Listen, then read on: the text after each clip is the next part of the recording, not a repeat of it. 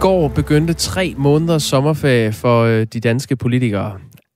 Sådan lidt tabloidt skåret. Altså, de skal jo stadig forhandle øh, genåbning og alt muligt andet. Men i Folketingssalen betragtet, der, der skal de ikke tilbage et, et godt stykke tid, for der var nemlig afslutningsdebat. Det tog 16 timer. Det blev øh, sluttet med en håndbejer for statsministerens vedkommende, hvilket jeg vil vende tilbage til på vores øh, overflyvning på de højdepunkter, der var her til morgen. Men nu skal vi lige ombord et andet højdepunkt. Daniel bad os uh, zoome ind på det sted, hvor Alex Vanopslag, partileder hos Liberal Alliance, blev flået af stolen, altså talerstolen, af statsministeren. Og han har så, da vi bad ham uddybe, sendt et 9 minutters uh, klip fra Alex Vanopslags Facebook. Jeg aner ikke, hvad det indeholder, men lad os bare høre det. Noget af det. Så må vi skue sådan. Liberal Alliance, det her. Så. Det er fantastisk. Dejlig udsigt.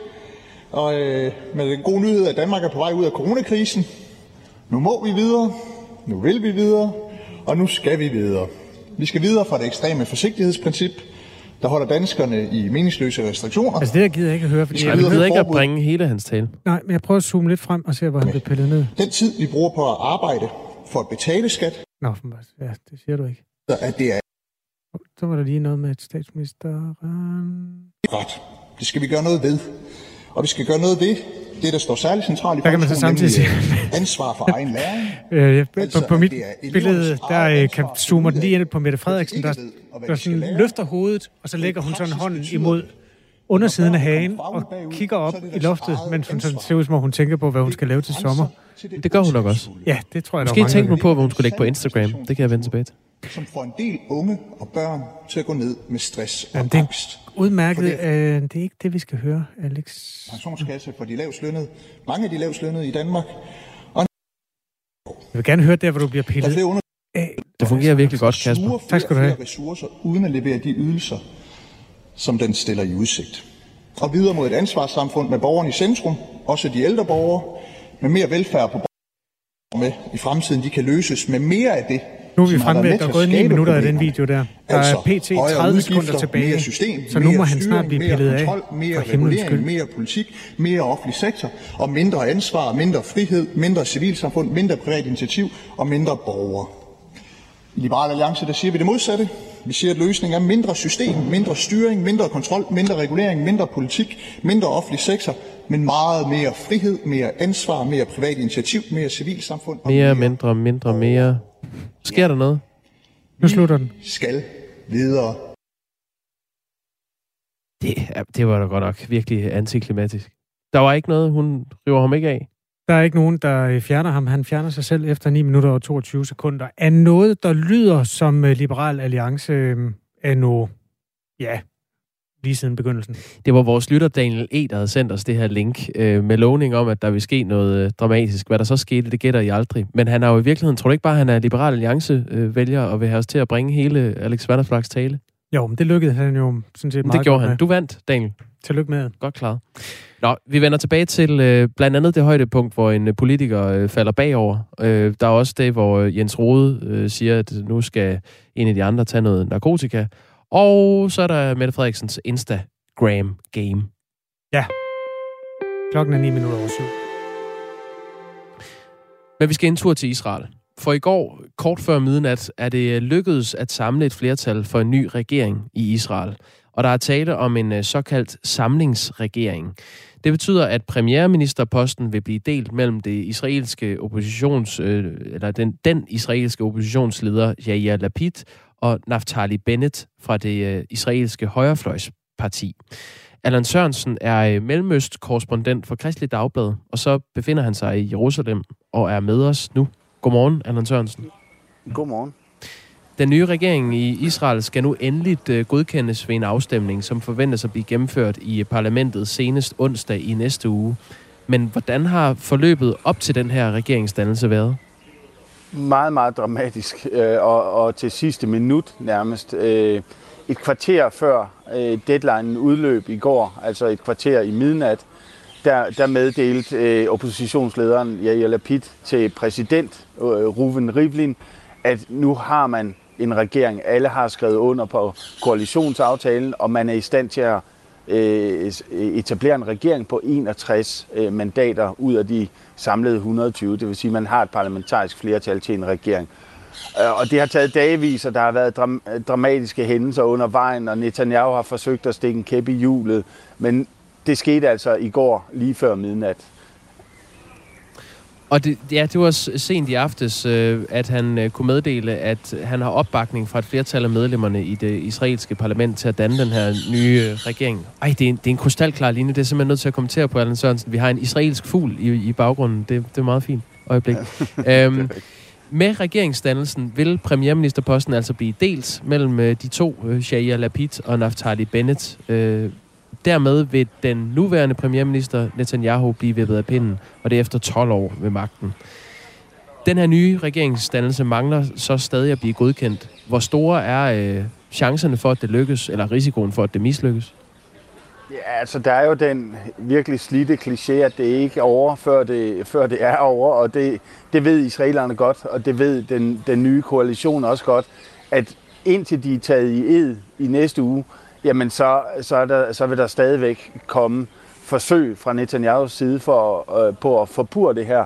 Det vil altså sige, at Netanyahu i øjeblikket, han leder efter bare en enkelt afhopper i den øh, nye koalition, øh, som vil gøre, at det hele brænder sammen og, og, og falder, og så vil der komme, blive udskrevet øh, nyvalg. Det er det, Netanyahu han håber på nu, og det er det, han vil forsøge at gøre, inden øh, koalitionen bliver taget i ed næste uge. Så, så man holder stadigvæk vejret en, en smule og venter på, at, at øh, altså venter på næste onsdag til at se, at det, der er altså en ny regering øh, på vej i Israel.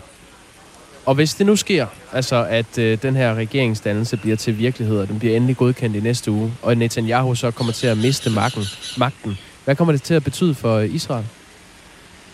Øh, mange ting. Det kommer til at betyde for Netanyahu, at han, han bliver oppositionspolitiker. Det kan, det kan så medføre, at han måske mister formandsposten i sit eget Likud-parti, fordi de, øh, altså simpelthen fordi han har tabt nu, og, og, og de vil skaffe sig af med ham. For den nye regering, der, kan det, der, der er det selvfølgelig et nyt ansigt, et nyt israelsk ansigt udadtil.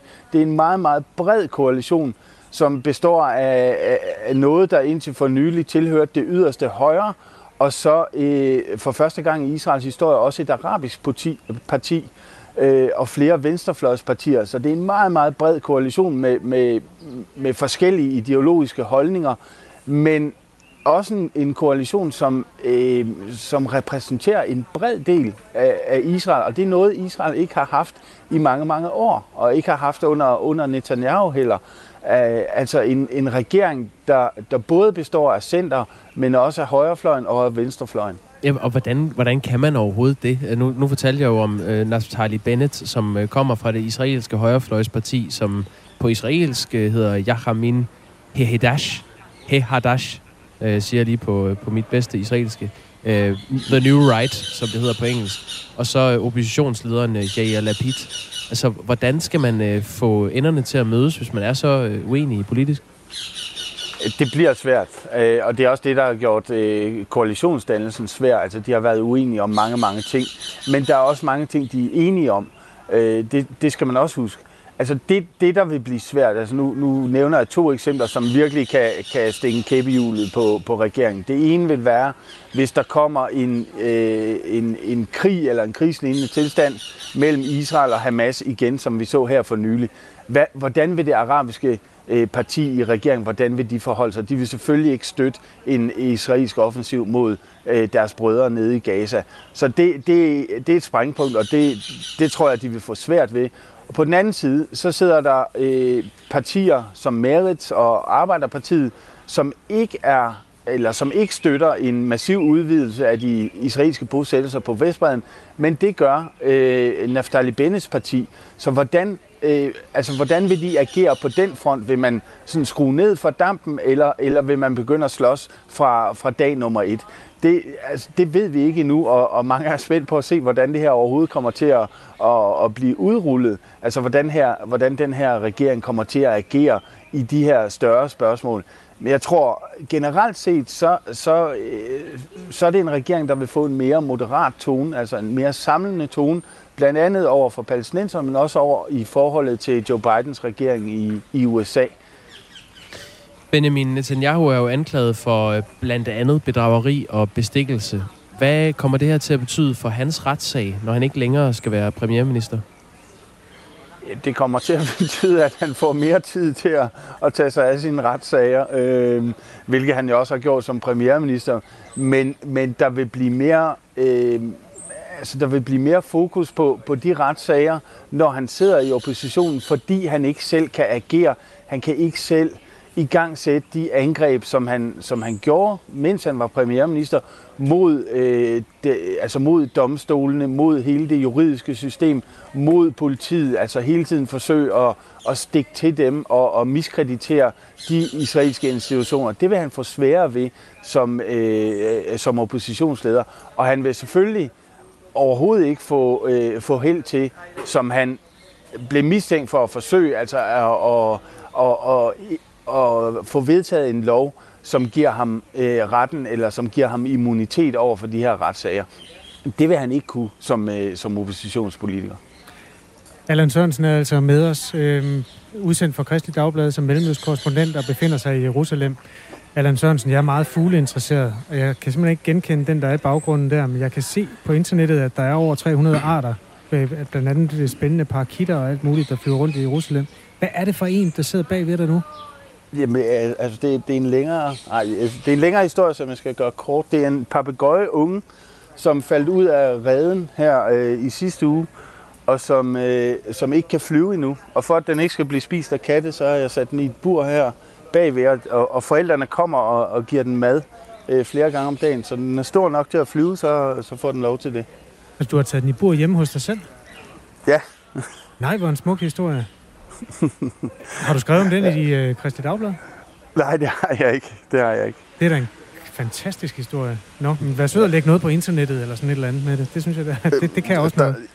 Jeg tweeter øh, bagefter. Jeg er ikke så stærk på Instagram som, øh, som statsministeren. Nej, det er et fint overlæg, du laver der, Allan Sørensen. Jamen tak, fordi du både belyste det ene og det andet. Øh, dit og dat her i Radio 4 morgen. Det var så lidt. Altså mellemøstkorrespondent for øh, Kristi Dagblad, som befinder sig i Jerusalem sammen med en baby øh. Og det var altså for at fortælle om den her nye regering. Der er samlet et flertal for en ny regering i Israel, og det kom frem kort før midnat i går. 18 minutter over syv er klokken blevet her i Danmark. Hvis vi lige skal mellemlande, kan vi konstatere, at det lyder som en Alexander Parakit, oplyser vores lytter Silas, som øh, tit skriver sms'er ind på 1424. Det er vi glade for, Silas. Vi ved øh, fra tidligere øh, omtale, at Silas har faktisk en baggrund i minkavlerbranchen. Det, øh, ja, arbejder tyder... på en øh, genbrugsstation i dag. Okay, Nå, godt at vide også. Øh, men altså med en bred biologisk indsigt. Alexander ja. Parakit er hernede øh, givet videre. Det er en meget, meget flot fugl, øh, kan jeg informere om. Den er sådan grønlig og har nogle øh, orange aftegninger og et, øh, et rødligt næb. Meget fin. Lille sag. Øhm, må jeg ikke, nu, nu når han lavede den til Mette Frederiksen, mm, før ja. vi skal ombord i, i, en, i en historie om øh, nogle ballademager, der driver gæk med politiet, så skal vi lige høre den her, og jeg skal nok forklare, hvorfor. Tonight, I'm gonna have myself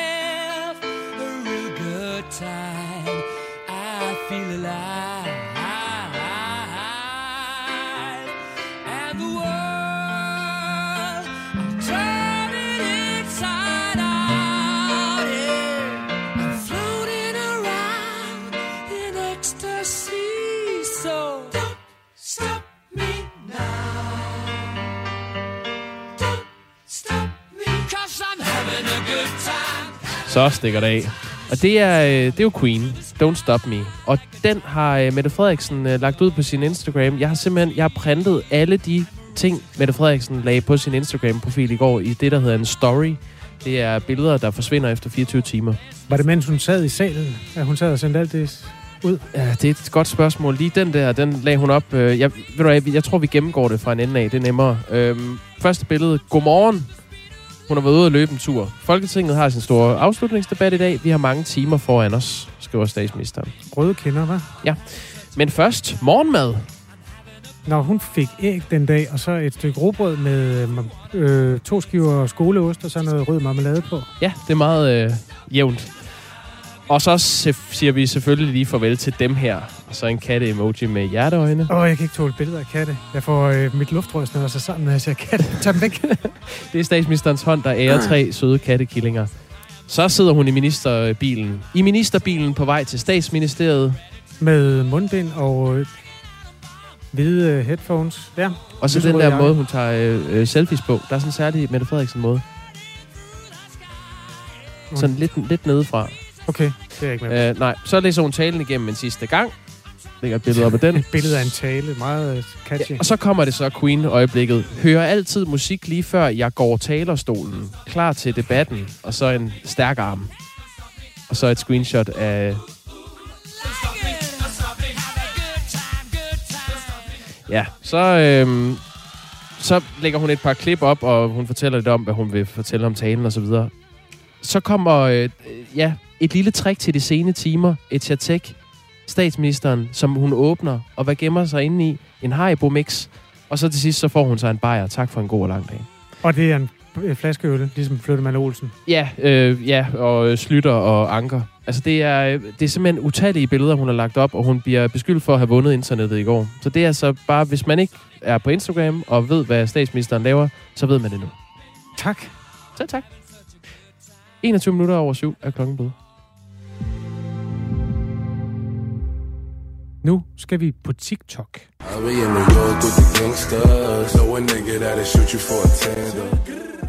På det sociale medie TikTok, som særligt er til børn og unge, der kan man følge en bruger, der har specialiseret sig i videoer, hvor ballademager i det vestlige Aarhus støder sammen med politiet. Og det er faktisk ret voldsomt. Der er biljagter, stenkast, fyrværkeri, der bliver kylet efter en politiassistent, herværk mod politiets biler. Um, man ser blandt andet en politibil, der følger efter en sort Mercedes. Den drejer ind på en resteplads og stopper. Udspringer en fyr, som hurtigt løber hen over en bred vej, der holder en anden bil klar, som samme fyr hopper ind i. Han flygter på den måde fra politiet, og den bliver optaget af en, en anden, som til synes, det er rigtig sjovt.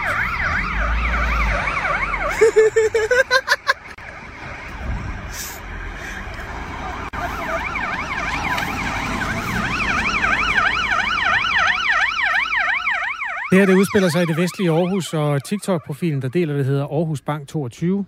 Størstedelen af de der videoer inkluderer på en eller anden måde politiet.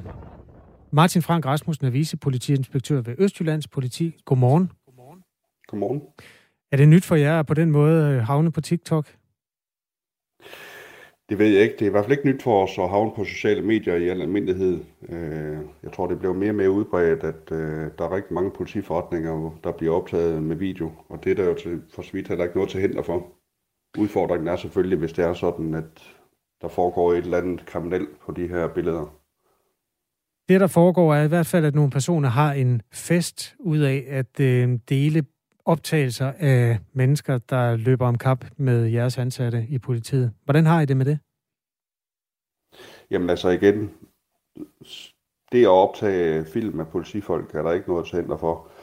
Øh, som du selv er inde på, hvis det er sådan, at der foregår et eller andet, som det ikke bør og skal, jamen så øh, har vi selvfølgelig en opgave i at forsøge at identificere de her videoer og de personer, der ligger bagved, for at undersøge, hvad der, der ligger nærmere for.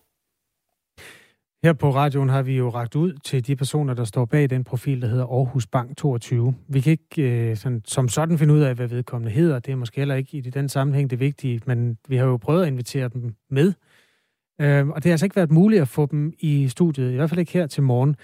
Men på profilen ser man, som vi også spillede eksempler på tidligere, alt fra fejlslagende politijagter til nogen, der slår på en politivogn. Der bliver også kastet fyrværkeri efter en politimand eller kvinde. Hvor går jeres grænse for, hvad man må lægge op på TikTok, før I øh, betragter det som en overtrædelse af, øh, ja, ikke bare loven, men altså også, hvad skal man sige, respekten for politiet?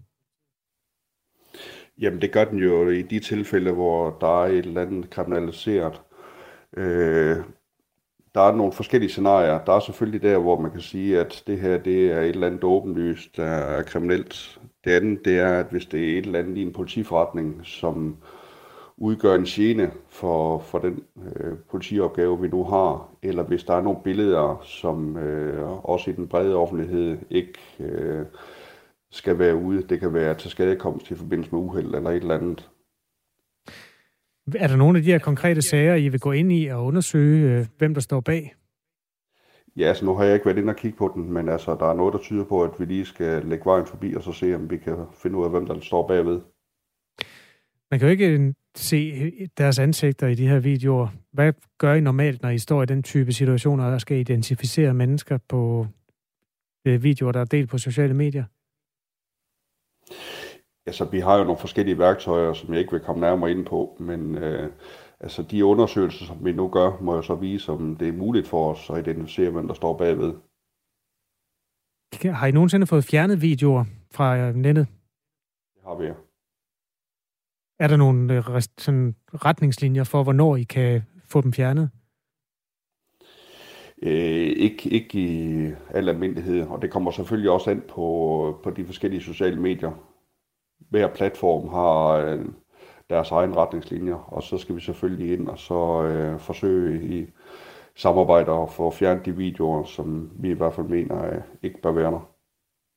Martin Frank Rasmussen, øh, du virker sådan rimelig rolig, når vi øh, taler med dig om, om det her. Øh, nu er jeg lige inde på, på deres profil på TikTok. Jeg har simpelthen installeret appen i dagens anledning. Det hedder Aarhus Bank 22. De har øh, lidt over 9.000 følgere og næsten 75.000 likes.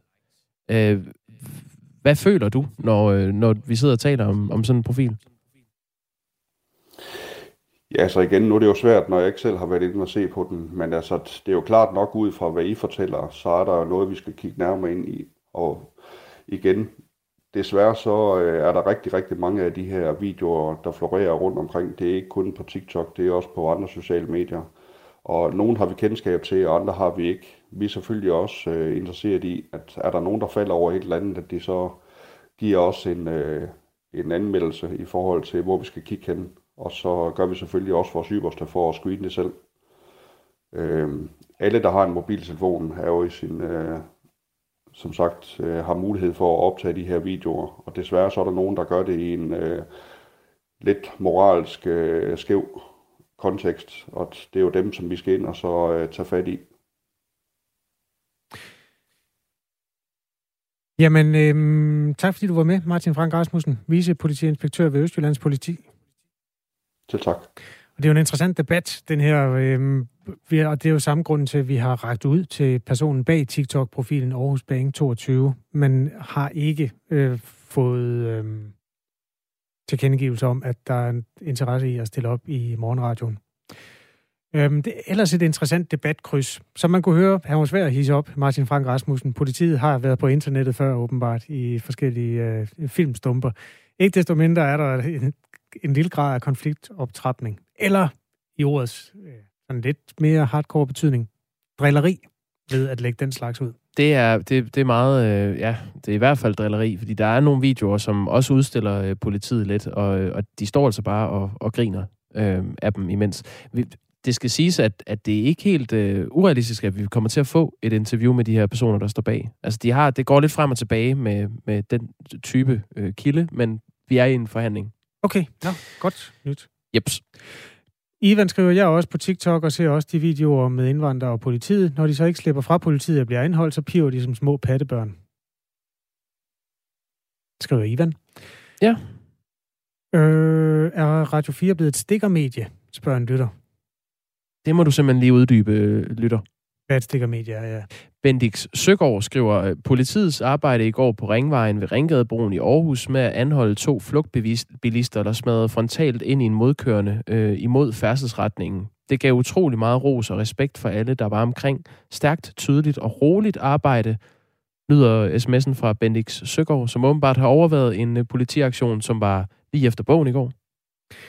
Det her det er Radio 4 Morgen, der går rundt om nyhedsstrømmen fra forskellige kanter. Øhm, på den anden side af de nyheder, som Dagmar Eben Østergaard leverer lige om lidt, skal vi se nærmere på et øh, bosted, som lukker. Efter hård kritik. Øhm, vi fortalte det jo i går. Øh, Regne Åsen, som er et privat bosted for voksne med autisme, lukker efter kritik fra Socialtilsynet. Det har konsekvenser for selvfølgelig de beboere, der bor der. De skal flytte, og det er et stort problem for den type mennesker. Det Øh, vækker bekymring også hos de pårørende, som vi skal tale med efter nyhederne. Vi kommer også ombord i historien om, at overfyldte fængsler betyder, at de nu er nødt til at inddrage kosteskabe og besøgsrum for at få senge nok. Det er et problem, både for de indsatte og de ansatte. Mere om det på den anden side af nyhederne. Klokken er halv otte.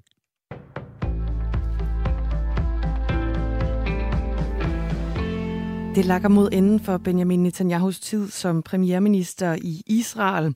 To mænd skal frem, fremover dele magten i Israel og sætter altså dermed punktum for Netanyahus 12 år på posten. Og det har været et dramatisk forløb op til, og det er ikke nødvendigvis slut endnu, fortæller Allan Sørensen, mellemøstkorrespondent for Kristelig Dagblad til Radio 4 morgen. Det ved israelerne godt, og det ved den, den nye koalition også godt, at indtil de er taget i ed i næste uge, jamen så, så, er der, så vil der stadigvæk komme forsøg fra Netanyahus side for, øh, på at forpure det her. Det vil altså sige, at Netanyahu i øjeblikket han leder efter bare en enkelt afhopper i den øh, nye koalition, øh, som vil gøre, at det hele brænder sammen og, og, og falder, og så vil der komme, blive udskrevet øh, nyvalg. Den israelske oppositionsleder Yair Lapid har sent i aftes meddelt præsident Reuven Rivlin, at han har opbakning fra et flertal af medlemmerne i det israelske parlament Knesset til at danne en ny regering. Og i en erklæring fra præsidentens kontor, der fremgår det videre, at premierministerposten den vil blive delt mellem Yair Lapid og Naftali Bennett fra det israelske højrefløjsparti Yamina. Gennembruddet er sket kort før en tidsfrist for at forsøge at danne en regering udløb ved midnat i nat lokal tid og lederen af det arabisk-israelske parti Ram, Mansour Abbas, meddelte tidligere på aftenen, at han er gået med i en koalition, som vil fjerne Netanyahu fra magten. Der indføres nu ekstra restriktioner for at vende smitten i Dragør Kommune på Amager, der er fartroende tæt på en automatisk nedlukning. Det fortæller Venstre borgmester i kommunen Helle Bart efter et møde med kommunalbestyrelsen. Og blandt andet skal biblioteker lukke, kommunale medarbejdere sendes hjem, og så opfordres forældre til at holde små børn hjemme fra daginstitutioner. Jeg håber så sandelig, at vi får bremset smitteudviklingen ved de her tiltag. Indendørs idræt skal også lukke, og der sendes en sms til borgerne om at overholde retningslinjerne. Vi opfordrer borgerne til at, at passe på sig selv og på andre og følge de gældende retningslinjer, der er for corona. Og der indledes via en lokal forening og også dialog med en opfordring til at lade privatansatte arbejde hjemmefra i Dragør. Danske fiskere får snart klarhed over fiskeriet i britiske farvande resten af året. EU og Storbritannien har nemlig indgået den første aftale om fiskekvoter efter Brexit. Det oplyser Ministeriet for Fødevare, Landbrug og Fiskeri i en pressemeddelelse. Og indholdet af aftalen er ikke offentliggjort endnu, men det skal snarest muligt præsenteres for fiskeriministerne i EU, oplyses det. Aftalen den fastsætter fiskekvoter, altså hvor mange fisk, der må fanges, for en række fisk, der er vigtige for det danske fiskeri, og det gælder for eksempel for havtaske og for rejer. Anklagemyndigheden går efter en straf på 30 års fængsel til den tidligere politibetjent Derek Chauvin, som i april blev dømt for drab på den sorte amerikaner George Floyd. Det fremgår af retsdokumenter indgivet ved en domstol i delstaten Minnesota forud for strafudmålingen den 25. juni. Her kalder anklagerne den 45-årige Chauvins handlinger for groft misbrug i forhold til hans stilling, og Derek Chauvin han blev tiltalt for drab efter han i maj sidste år placerede sit knæ på Floyds hals i over 9 minutter under en anholdelse. Og den 45-årige ekspedient har under hele sagen nægtet sig skyldig i, skyldig i alle anklager. I den østlige del er landet tørt med en del sol, og i resten af landet der kommer der byer, som kan være ganske kraftige, og også med torden nogle steder. Men der kommer altså også et kig til solen i dagens løb hister her. Temperaturerne de lander mellem 17 og 23 grader, men ved kyster, hvor der er pollensvind, kan det blive en smule køligere. Det var slut på nyhederne på Radio 4 med Dagmar Eben Østergaard.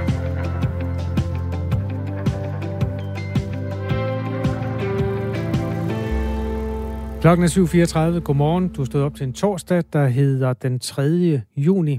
Sommeren er kommet i en sådan lidt øh, ustadig version, men dog øh, bedre end det, vi kom fra. Maj er overstået endegyldigt. Mm. Her i morgenstudiet, Jakob Grosen og Kasper Harbo. Ja, og som vi kunne fortælle i går, så lukker det private bosted for voksne med autisme, som hedder Brejneåsen, øh, og det ligger ved Gilleleje. Og det lukker efter kritik fra Socialtilsyn Hovedstaden. Tidligere på året fik bostedet Brejnåsen fire påbud fra myndighederne, som der skulle rettes op på inden den 1. april, hvis bostedet skulle øh, beholde sin tilladelse til at drive botilbud. Og det øh, er det, som Socialtilsyn Hovedstaden tirsdag meddelte bostedets øh, bestyrelse ikke er lykkedes. Lukningen af bostedet har konsekvenser for de borgere, som bor på Brejneåsen. De skal flytte, og det er ikke uden udfordringer for selvfølgelig for dem selv og for deres pårørende.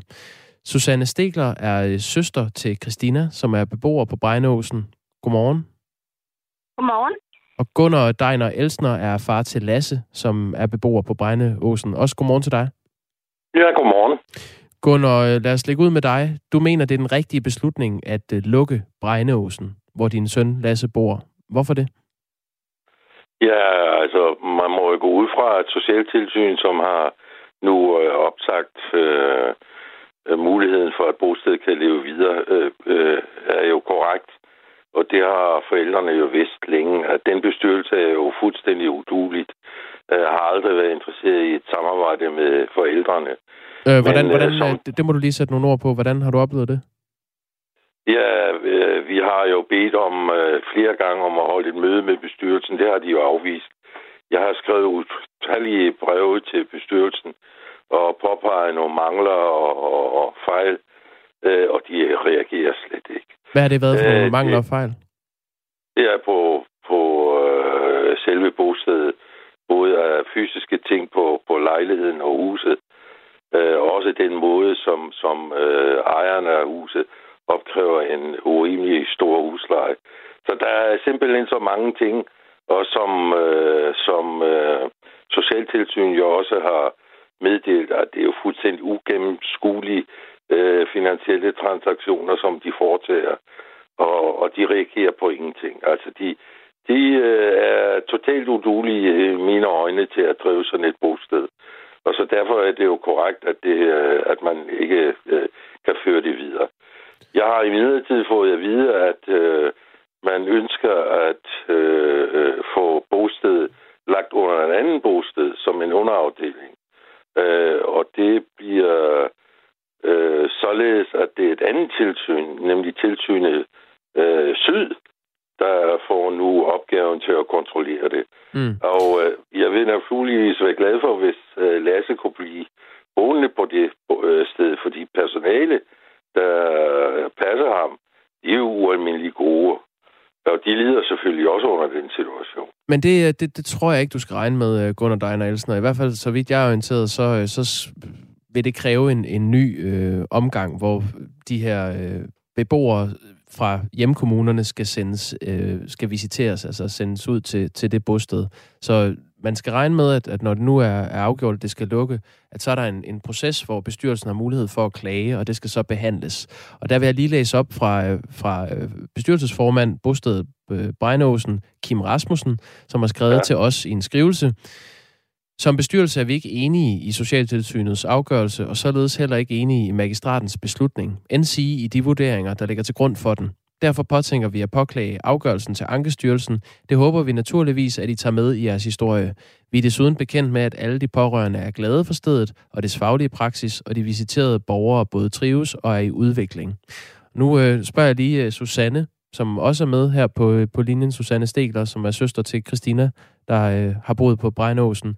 Susanne Stegler, at, har du været øh, tilfreds og glad for, øh, for stedet og dets faglige praksis? Jeg har været tilfreds øh, på den måde, at bostedet ligger i skønne naturområde, område, og at min søster har trives med det team, der har været hos hende med dygtige og kompetente personale. Jeg er fuldstændig enig i det, Gunnar lige har sagt omkring bestyrelsen. Den er ganske udulig og de burde slet ikke have lov til at drive øh, virksomhed på, som bosteder, hvor de har med andres øh, pårørende at gøre.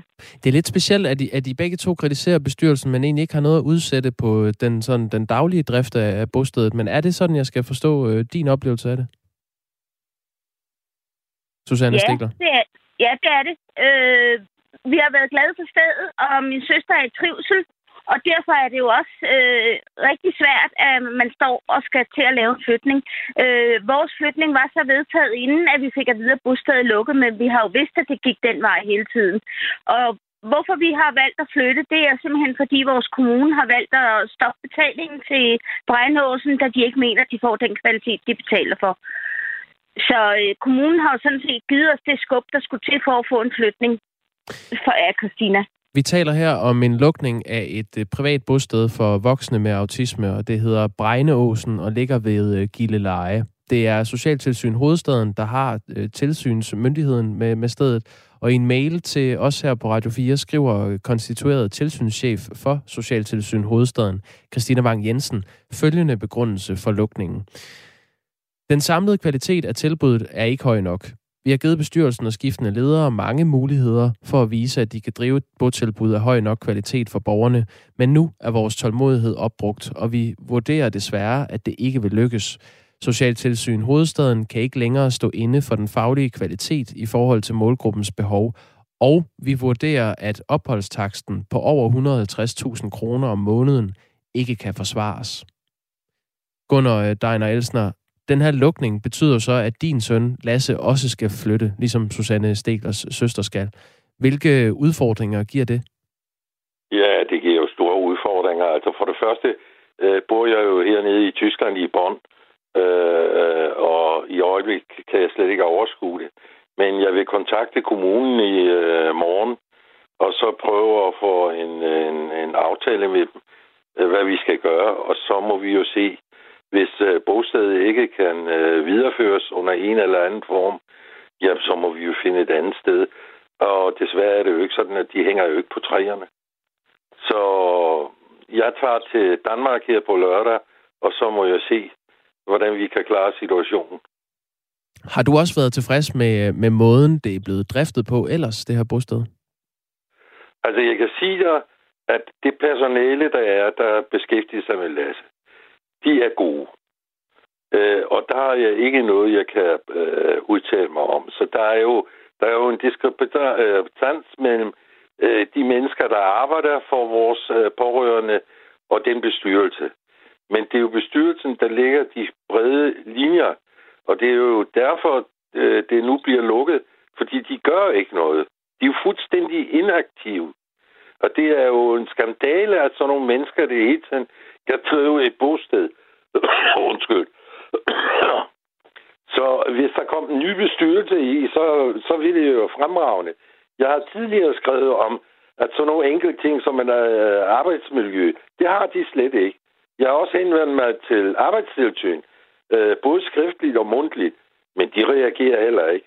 Altså sådan nogle bosteder, øh, det er jo godt, at der er nogle øh, mennesker, øh, som socialtilsyn, der holder øje med, hvad der foregår. Men også andre myndigheder burde jo kigge på det der. Mm.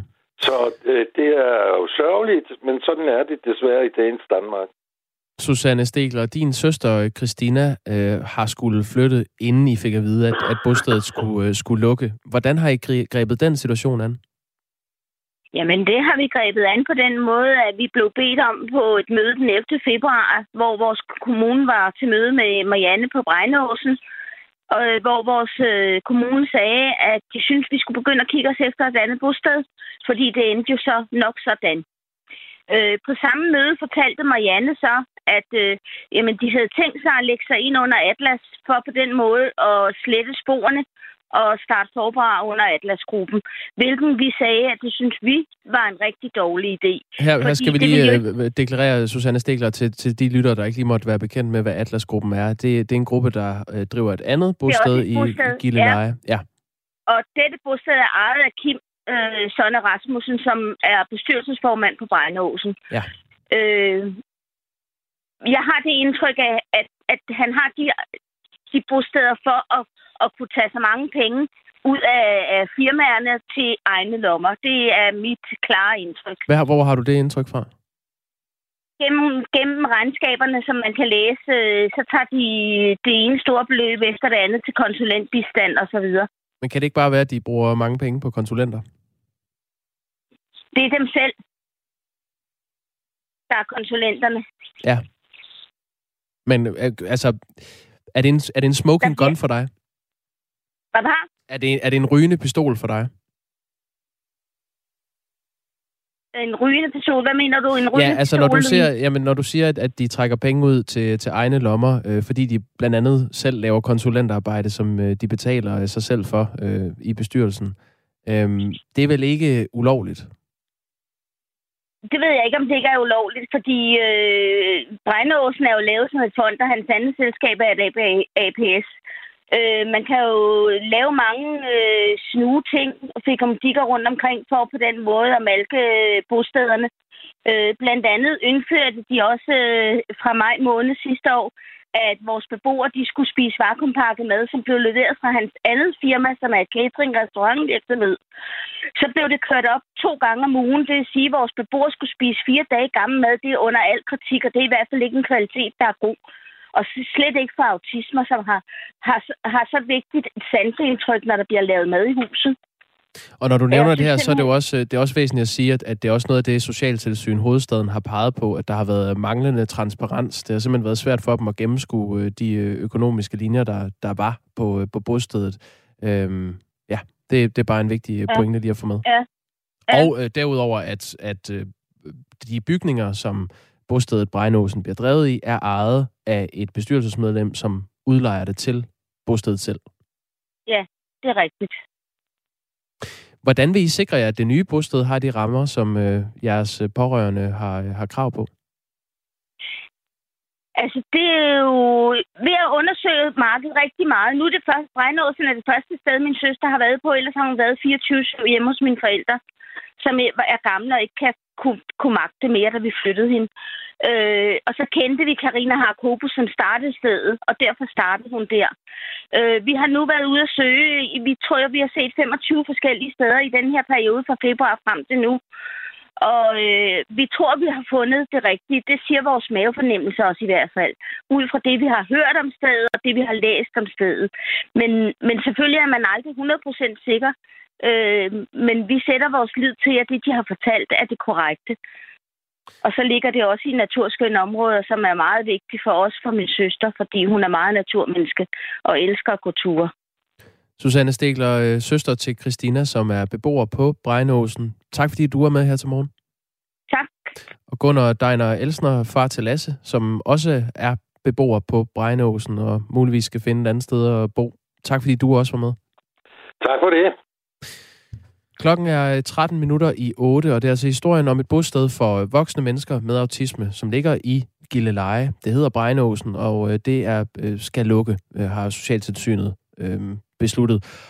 Det er altså noget, som bostedet selv har tænkt sig at påklage afgørelsen til Ankestyrelsen på, og så, ja, det er stadig et proces, kan man sige. Vores lytter Søren fra Horsens skriver ind, det er på tide, man ser på alle de forskellige private bosteder, som kun er opstået ud fra ønsket om at trække penge ud af systemet. Mange af de ansatte har ikke den nødvendige uddannelse. Husk på, at beboerne er helt uskyldige og skal have en anstændig dagligdag, som alle andre, skriver Søren. Og man kan vel sige til Søren, at øh, der bliver set på de forskellige private bosteder. Det er en af grundene til, at tilsynet nogle gange lukker stederne.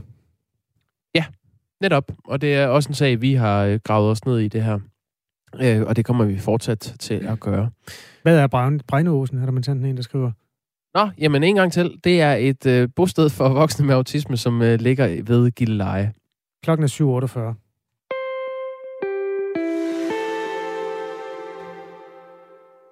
I en årrække har ansatte i landets fængsler råbt op om, at der er for mange ansatte, i, nej ikke ansatte, indsatte i forhold til kapaciteten. Der er simpelthen for mange fanger i forhold til, hvor mange der arbejder i fængslet, og problemet er ikke blevet løst. Kosteskabe, telefonbokser og besøgsrum bliver lige nu inddraget til at få celleplads nok. Bo Yde Sørensen er formand for Fængselsforbundet. Godmorgen. Godmorgen. Beskriv lige, øh, hvordan det ser ud, når en telefonboks bliver inddraget øh, til, øh, til fanger. Ja, en telefonboks i, i, øh, i fængselsmæssig forstand er ikke ligesom dem, vi, vi kender fra gamle dage, øh, der stod ude på vejen. Det, det er nogle små rum, øh, hvor man har, har sat en telefon op, sådan, så de indsatte sådan, under lidt mere private former kan ringe til, til deres øh, kone, kæreste, gamle mor, børn eller andet. Øh, og det inddrager man nu og, og, øh, og sætter, og sætter øh, sengen, køjeseng ind i, så, øh, så vi også kan proppe indsat ind i dem. Hvorfor er det et problem? Ja, det er det, fordi det er ikke indrettet øh, som celler. Altså, det er ikke meningen, der skal være øh, låst mennesker inde i, i de her små bitte, øh, bitte rum. Det er selvfølgelig den ene del af det. Den anden del af det, det er jo, at, at man så selvfølgelig øh, begrænser muligheden for, at øh, de indsatte de kan øh, udøve de rettigheder, man har, når man sidder i fængsel, nemlig at ringe hjem under sådan øh, skal vi sige, lidt mere private forhold, så man ikke skal have andre indsatte til at stå og overhøre, at man snakker med sine børn, eller sin kone, eller, eller hvem det er, man snakker med. Hvad er der på spil i den her sag for jer i Fængselsforbundet?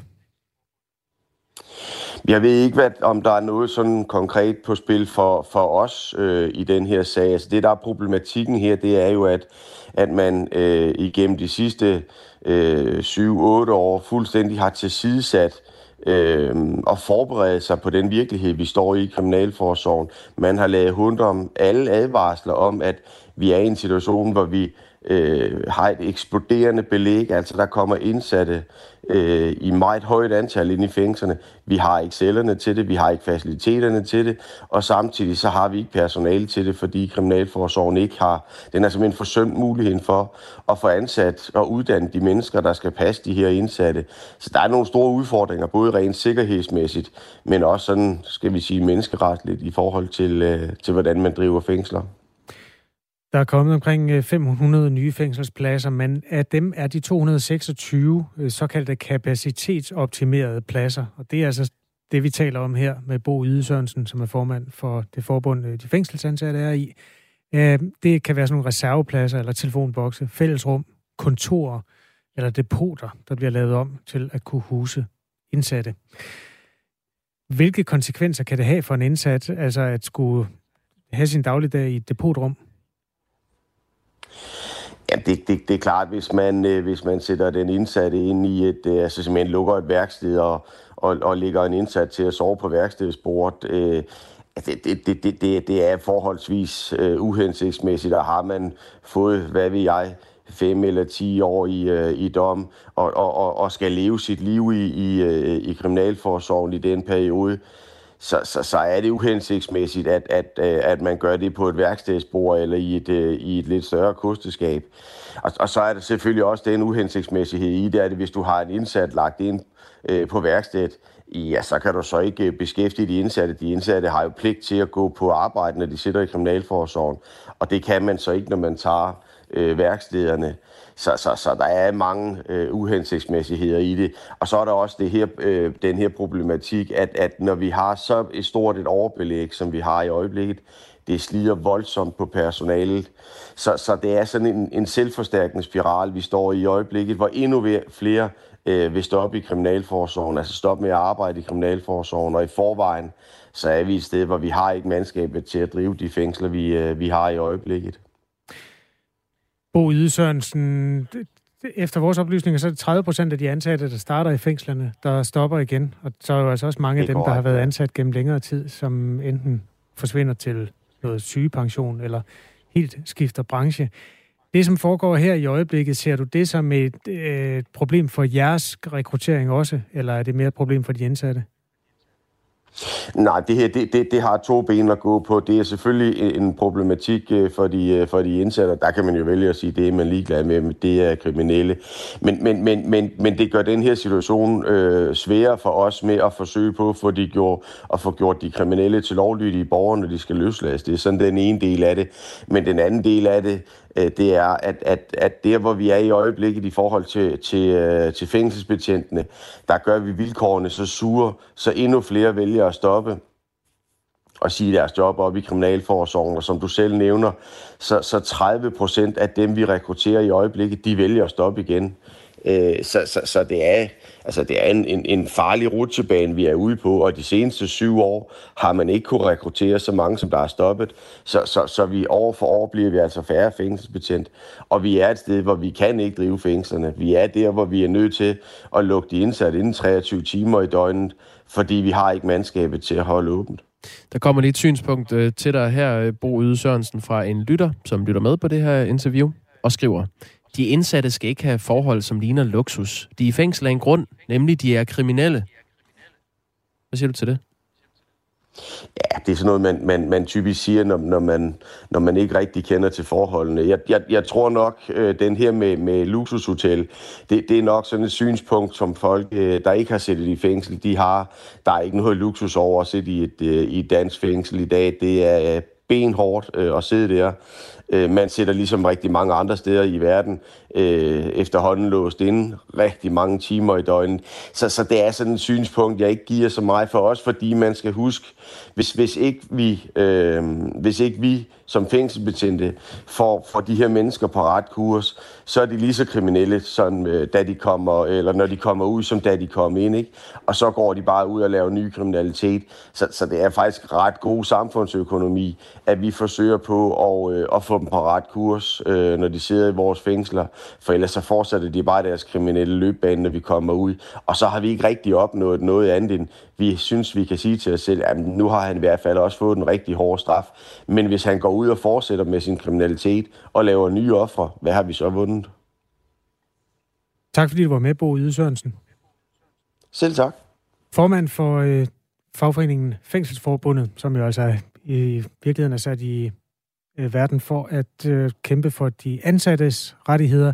Her blev det mere et øh, slag for de indsattes, eller i hvert fald en vurdering af, hvad det betyder for de indsatte, at der er over 200 pladser, som er opstået, altså fængselspladser, som er opstået ud af kosteskabe, øh, telefonbokse, nedlagte værksteder og depotrum. Klokken den er 4 minutter i 8.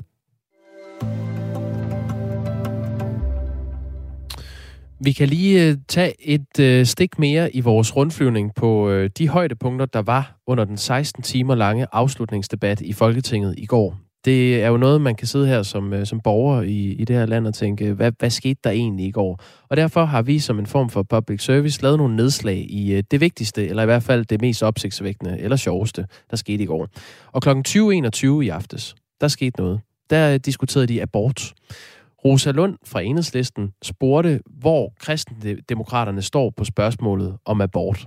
Mm. Og det er jo noget, Godt der kan være en øh, varm kartoffel. Og kristendemokraterne, det er jo PT en Jen, mand. Jens Rode, øh, som jo har meldt sig ind i kristendemokraterne øh, for nylig. Så det var ham, der skulle forsvare den position. Og øh, Rosa Lund lægger ud med at citere et tweet, hvor Jens Rode har skrevet, at Dansk Kvindesamfund snakker om abort, som var det prævention. Og det vil han ikke have siddende på sig, Jens Rode. Det afføder en, en øh, meget skarp debat mellem de to. Øh, Rosa Lund virker meget øh, sur, og det gør Jens Rode i hvert fald også. Og øh, ja, lad os lige høre, man skal virkelig spidse ører. Vi har fundet klippet. Det er ikke sådan en skide god lyd, men øh, man kan måske lige få en fornemmelse af, hvad det er, Jens Rode så siger til Rosa Lund. Jeg skal tage et apparat og en valium, og så komme lidt ned, fordi det er jo slet ikke det, jeg siger. Det er jo en strømmandsargumentation, hun fører frem der. Valium? Tag lige en valium og falde lidt ned. Det er overhovedet ikke det, jeg siger. Det synes Pia Olsen Dyr fra SF bare ikke er i orden. Øh, Pia Olsen Dyr er formand for SF, og hun skriver på øh, Twitter. Hvad bilder Jens Rode sig ind? Og så er sådan et, øh, en emoji med øh, et ansigt med symboler hen over munden, sådan en bandende emoji. Han sagde lige i Folketingssalen til Rosa Lund, at hun må tage sig en valium. Det er over grænsen, og en dag en debat om kvinders ret til prævention. Rystende. Hashtag DK Bol slå lige op, hvad valium egentlig kan. Altså valium og stesolid indeholder åbenbart det samme aktive stof, nemlig noget, der hedder diazepam. Og det er... Øhm, Beroligende. Ja, altså ja, jo, det er det jo. Det bliver brugt mod angst. Mm. Var hun bange, Rosalund? Det var hun ikke. Nej, hun var rasende. Øh, søvnløshed bliver det brugt mod. Nej, det var hun heller ikke. Kramper. Muskelspasmer. Ikke umiddelbart, nej. Menieres sygdom. Det ved jeg ikke. Ja. Øh, det ved jeg heller ikke. Alkoholabstinens. Havde hun det? Nej, det tror jeg heller ikke var det, der lige var i gang der.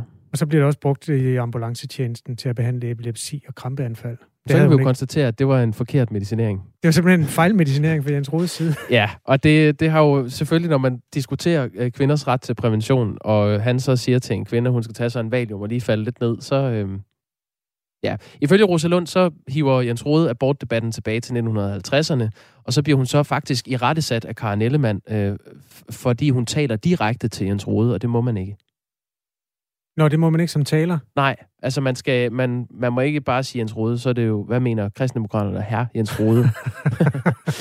Åh, oh, det er formalt, ja. ja. Ja, men der er jo også øh, den der bænk til løsgængere, den skal jo, eller, det, eller enkeltpartier, eller hvad man nu skal kalde det, det må også være stor og tung efterhånden. Ja, hvem har vi derude? Uh, Lars Løkke, Sikander Siddiq? Uh, Inger, Stong, eller Inger Støjberg? Ja. Der er ikke flere? Jo, der er ham fra konservativ Orla. Ja. ham, der røg ud af lidt uheldige årsager. Ja. Godt så, jamen, tak for det. Det var bare lige for at øh, minde om, at de er på sommerferie nu. Og øhm, der skete vanvittige ting i de 16 timer, sådan rent retorisk i hvert fald. Andet skete, altså helt konkret skete der vist ikke så meget. Men de fik snakket. Vi samler op, hvis der er flere. Er der, har du flere løse ender? Jeg har en enkelt, og det, det handler egentlig bare om en politiker, der falder af stolen. Åh oh ja, den glæder jeg mig til. Ja, det gør jeg faktisk også. Du lytter til Radio 4 morgen. Nyheder med Dagmar Iben Østergaard klokken er 8.